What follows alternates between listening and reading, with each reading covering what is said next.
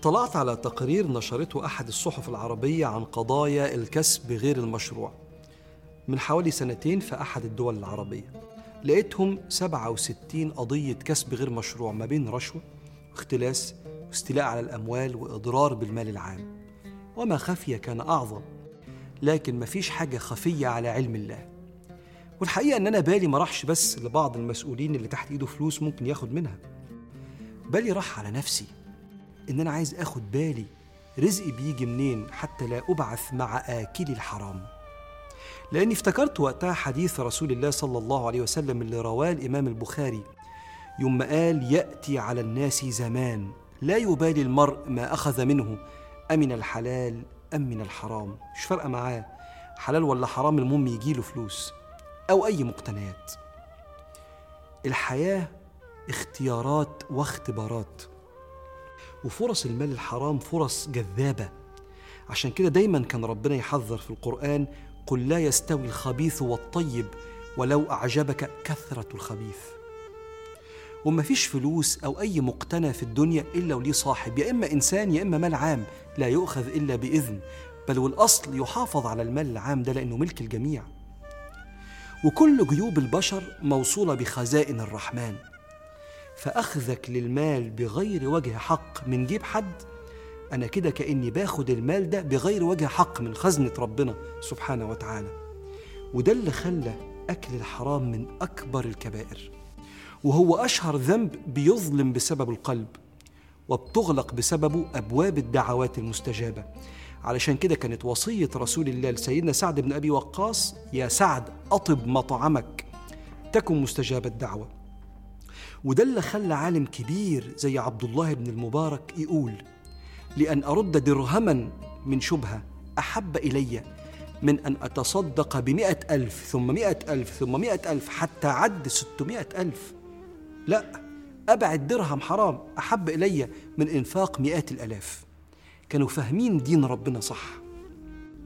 لكن الفتنة الحقيقية إنك تشوف واحد بياخد فلوس مش حقه بغش أو كذب أو تجارة في حاجة محرمة وحياته ماشية تمام. والفتنة الأكبر إنك أنت اللي تجرب كده.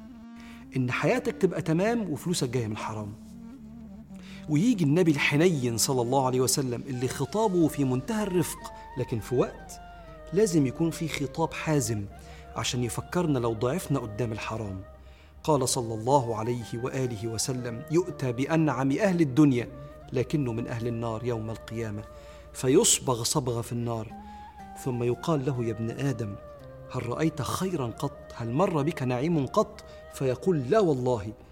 ما رأيت خيرا قط ويؤتى بأشد الناس بؤسا في الدنيا لكنه من أهل الجنة. فيصبغ صبغه في الجنة. ثم يقال له يا ابن آدم هل رأيت بؤسا قط؟ هل مرت بك شدة قط؟ فيقول لا والله. ما رأيت بؤسا قط ولا رأيت شدة قط.